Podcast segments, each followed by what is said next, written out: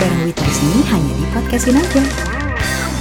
Di episode ke-14 bareng Wita di sini hanya di podcastin aja. Berbicara mengenai hak asasi manusia atau HAM, aku ingin ngobrol dengan salah satu nama yang udah gak asing lagi di telinga kita. Dialah Haris Hazar, yang dengan gaya bicara lantang juga nyali besar, kerap mengkritisi langkah dan kebijakan yang diambil oleh negara, terutama yang bertentangan dengan nilai-nilai hukum dan HAM. Seperti apa sih realita yang sedang kita hadapi bersama sekarang ini? Kita telepon langsung aja ya.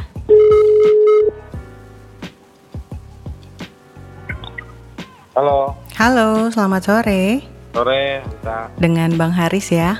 Yo, Kabarnya gimana? kabarnya baik.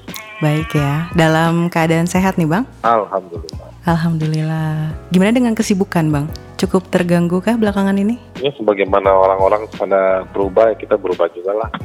Ya, ya, cuman terakhir saya lihat di TV merah, kayaknya semangatnya masih membara tuh ya. Itu ya, bawaan orang kayak gitu.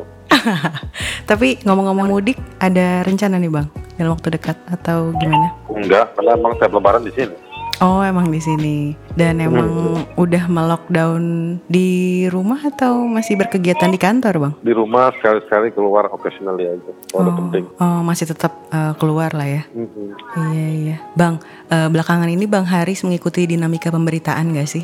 In what way? Dalam dalam hal seperti apa? In every ways, kayak every ways enggak. oh enggak ya? Kenapa tuh? Karena emang nggak bisa aja kita ngikutin segala hal. Oh, I see. Enggak, tapi maksudnya masih menyimak lah ya kebijakan-kebijakan apa saja yang diambil pemerintah, terus juga ngelihat masyarakat kita tindak Yang tanduknya diambil tuh pemerintah terkait dengan terkait dengan darurat kesehatan masyarakat Oh, iya, atau itu PSBB. Tapi juga di sisi lain kita ngelihat masyarakat masih pada bisa dibilang nekat kali ya untuk melakukan mudik kan gitu ya bang ya. bagian kecil aja. Sebagian Nggak kecil. perlu digede-gedein juga sih. Cuman kalau ngomongin mudik kan sebenarnya ini berkaitan sama hak juga ya bang ya. Mudik ya itu bagian dari kebebasan orang bergerak. Tapi Jadi sebenarnya orang ya punya untuk bergerak. tapi sebenarnya pemerintah tuh memiliki kewenangan atau kewajiban nih kita ngomonginnya. Intervensinya tuh seberapa besar sih mereka harusnya? Eh begini, pemerintah itu tugasnya mengatur, Mm-mm. ya kan, mengatur banyak hal untuk memastikan bahwa setiap orang itu terpenuhi haknya.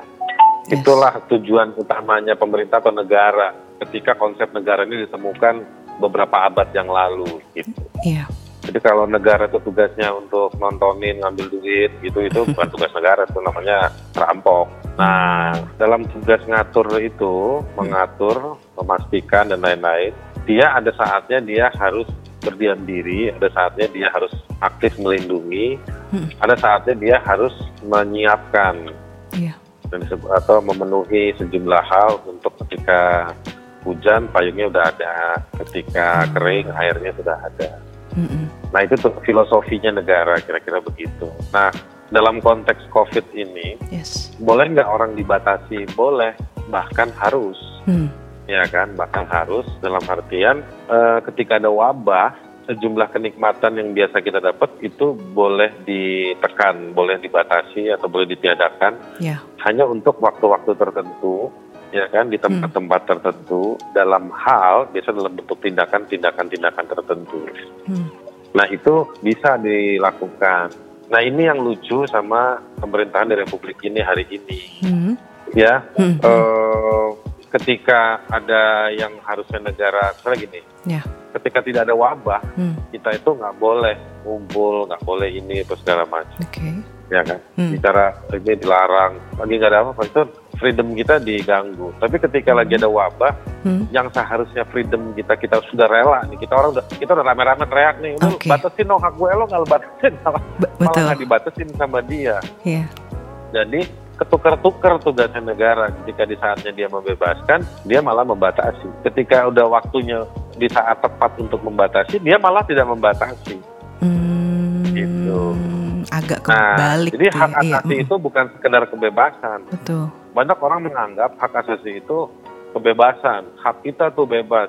Oke. Nggak segala hal itu eh, bebas. Ada Hmm. kalanya orang itu harus dijaga. Jadi intinya pada manusia Hmm. kita. Jadi Hmm.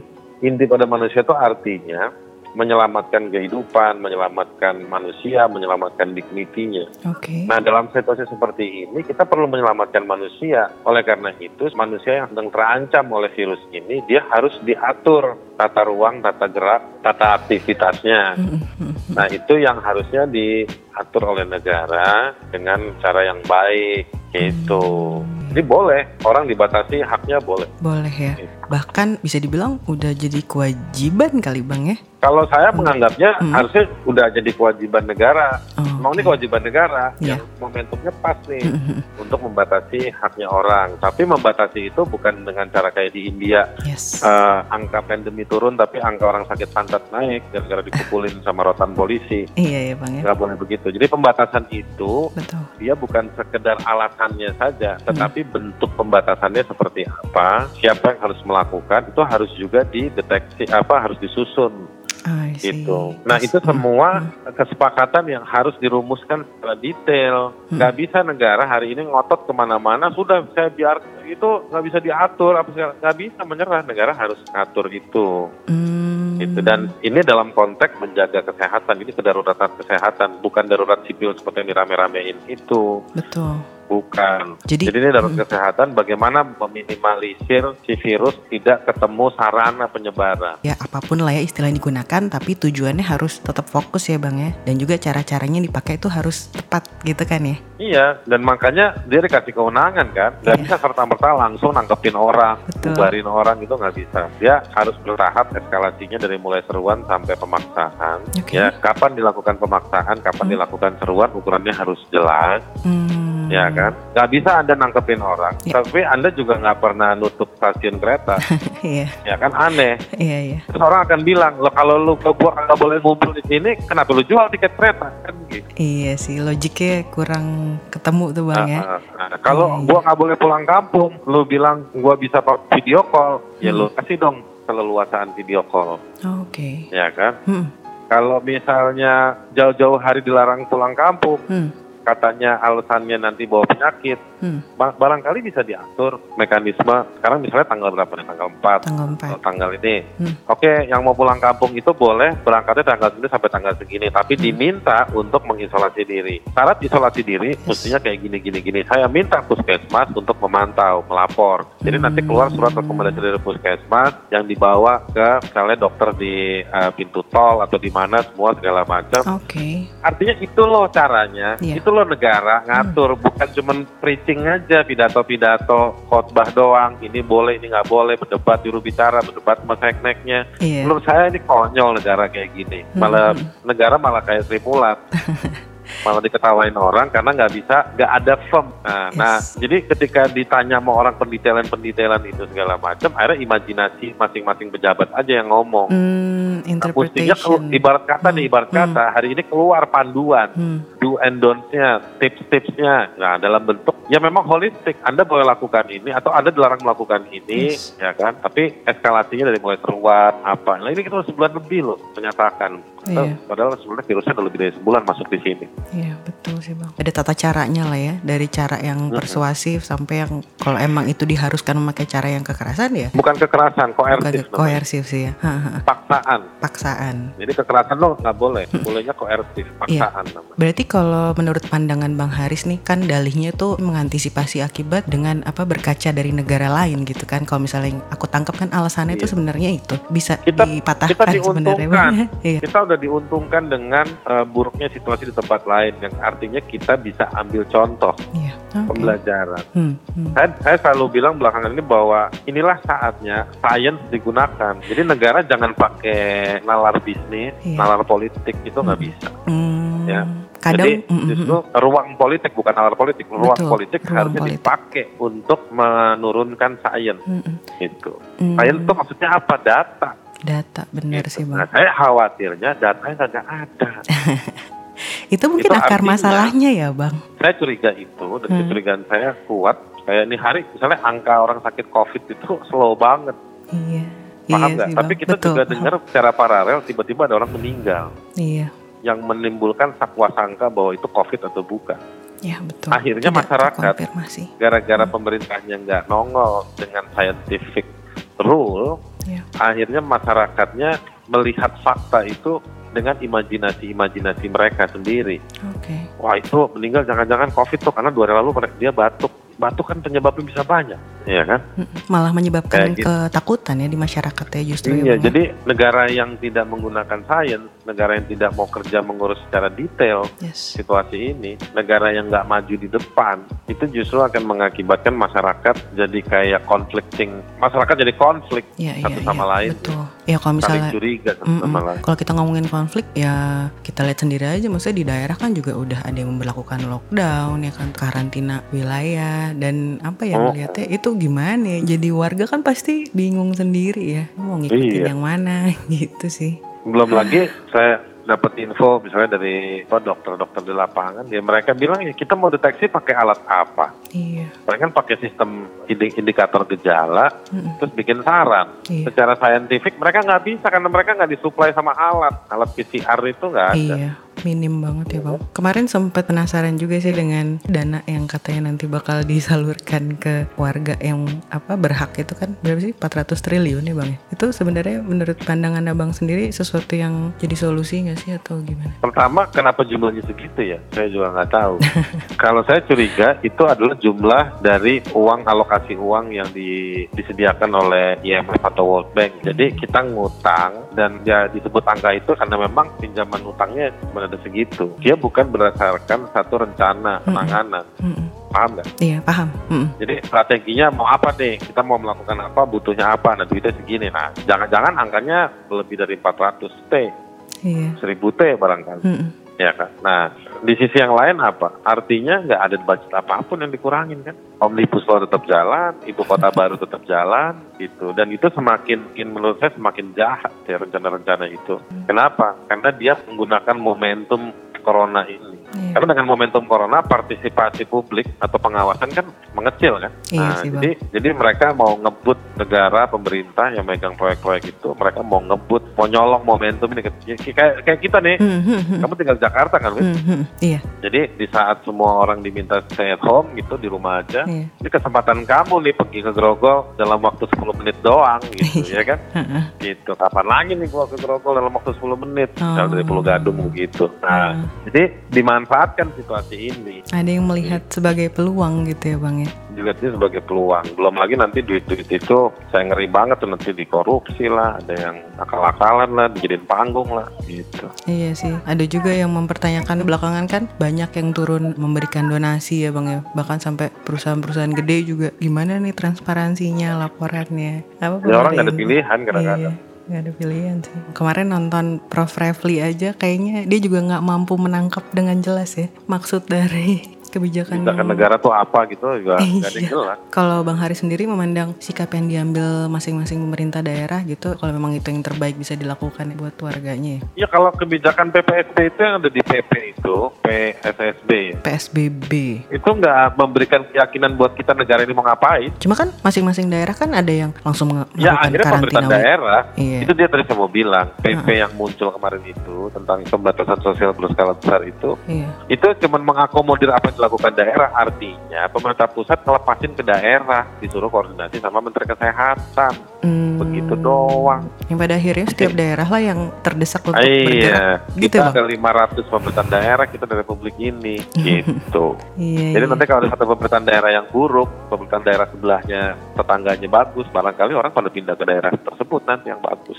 Iya, itu gitu. cerita. Orang malah memicu orang untuk bergerak. Itu tuh. persoalan baru lagi bang. Bahkan teman saya juga ada yang melakukan itu karena di daerahnya sudah cukup banyak yang positif, dia memutuskan untuk geser sedikit. Tapi ini langkah yang baik apa enggak ya? Jadi masalah baru lagi tuh sebenarnya kan? Ya, menjadi nanti menempuh langkah yang terbaik di antara sejumlah opsi-opsi yang buruk. Situasi kita gitu nanti ke depan. Bangsa ini harus kejepit dulu kali bang ya, baru ketemu solusinya Ya, gitu ya. kejepitnya di antara masyarakat. Ya memang Iya sih. masyarakat harus jadi kayak survival of the fittest kita ini. Sure. Iya, Gitu. iya, iya, iya. Tapi taruhlah memang bantuan ini benar ya bang ya penyalurannya dengan memenuhi kebutuhan dasar misalnya seperti pangan dan kesehatan aja itu menurut bang Haris cukup nggak sih untuk menyelamatkan Ya, itu diri basic kita ya, itu selama-. Hmm, Buat orang-orang miskin yang jumlahnya sekitar 30-40 juta itu penting banget. iya Belum lagi kan mereka datang dari pekerja-pekerja informal Betul. atau pekerja kasar, pekerja Hmm. harian yang duit mereka hari ini itu dipakai buat makan besok atau Iya. nyambung hidup bulan depan itu dari pekerja dari kerjaan yang mereka lakukan hari ini. Hmm. Jaminan sosial kan nggak ada. BPJS saja harganya nggak mau diturun-turunin pas keputusan Mahkamah Agung. Jadi orang itu kalau nggak kerja mati emang di negeri ini. Gitu. semua penggeraknya ya Jadi nggak ada kita itu. kita juga Nggak- ya bang negara tuh nggak ada. Belum lagi ngeri ya ngelihat bagaimana dinas-dinas atau kepala-kepala daerah, menteri-menteri ada yang melakukan korupsi apa segala macem, Iya. ngakal-ngakalin bisnis duit gede buat lari ke mereka. Menurut saya mah apa ya? Kalau kalau ibarat kata orang makan bakso, boros-boros ledri gitu ya. Kuahnya juga enggak, itu cuma tetesan kuah aja yang dikasih ke rakyat. Iya, iya. tapi Mm-mm. kalau dengan stimulus yang diberikan pemerintah gitu, kayak kita ngeliat kan ada katanya keringanan kredit dan pinjaman, ada juga bebas biaya diskon listrik, terus juga narapidana koruptor ya dibebaskan. Menurut abang ini sebuah terobosan yang bagus nggak sih dari pemerintah atau gimana bang? Enggak, kalau koruptor nggak ada dibebas. Enggak ya? rame diberitakan. Saya udah cek tadi. Terus yang kalau Itu beritanya berarti? relaksasi kredit di bawah itu Hmm. masalahnya menurut saya prakteknya gimana? Karena nggak ada aturannya. Maksudnya negara itu ngeluarin aturan yang bisa dipakai aturan itu sebagai rujukan dari perusahaan-perusahaan atau para bank yang ngasih kredit-kredit itu. Ya, Hmm. kalau aturan itu keluar dipakai oleh orang yang ngajuin kredit untuk minta relaksasi gitu. Kalau nggak ada aturan itu ya bank tetap nagih. Ya. Jalurnya nggak jelas gitu ya bang ya? Hmm? Hmm. Ya itu kan statement aja di itu dialokasi mana. Mesti kita teriak-teriakin dulu kan kayak gini nanti baru akhirnya nongol. Mereka cuma bilang ada di OJK, terus ada nomor hotline-nya. Bayangin aja udah berapa puluh ribu atau berapa ratus ribu orang nelpon telepon yang sama. Hmm. Nomor online-nya itu mungkin dipegang sama satu orang HP-nya, ya kan? OJK juga nggak pernah ngomong apa-apa. Itu aja yang diulang-ulang lagunya kan. Gitu. Masa negara segede begini punya duit triliunan katanya Hmm. nanganin mau ngurusin orang kecil kayak begini modelnya repot juga lah. Tapi masih ada harapan ya bang? Iya, tapi memang ya kualitas pemerintahannya begini lah ya, sama aja. Emang Kita juga nggak usah kejebak sama pemilu kemarin 01, 02, toh mereka juga sama aja. Gabung juga ya. Kalau untuk tenaga medis sendiri bang di Indonesia, bang Haris ada kayak perhatian khusus nggak sih? Kan mereka nih sekarang situasinya pasti nggak mikirin diri sendiri. Kalau dari pandangan abang negara harus kayak gimana? Menurut saya tadi yang saya bicarain itu dampak buruknya ke para pekerja medis sama dokter. Utamanya sih ya. Nah, kata kalau jabatan presiden itu bisa kita beriin ke dokter, kita kasih ke dokter aja, ya kan? Pemerintah nggak kelihatan kontribusinya, akhirnya orang memang benar-benar ngandelin pekerja medik, Iya. dokter, apa semua segala macam itu, ya kan? Hmm. Negara tugasnya apa? Menyediakan APD aja sekarang, udah cuman itu aja, ya kan? Supply APD bang. Hmm. Tapi sebenarnya di dalam situasi yang seperti sekarang ini, itu tuh yang paling ideal kita sebagai masyarakat tuh harusnya gimana bang? Yang paling ideal Hmm-mm. atau yang paling realistis hari ini? Eh realistis lah ya. Yang realistis ya hari ini ya kita harus bangun resiliensi sendiri ya. Karena kalau Anda ngandelin negara, misalnya soal info, berapa orang kena corona, orang negara juga masih bingung bagaimana deteksi corona, dia pakai alat yang mana nggak ada yang jelas. Di tempat-tempat rujukan itu lumayan, Hmm. tapi harus ngantri ya kan. Di tempat-tempat perawatan itu yang dirujuk juga ngantri. Jadi kalau untuk deteksi menurut saya ya wallahu alam nih, tapi ya kayaknya pelan-pelan ya akhirnya masyarakat mengembangkan kapasitas sendiri ya. Iya, Udah mulai rame orang pada beli mesin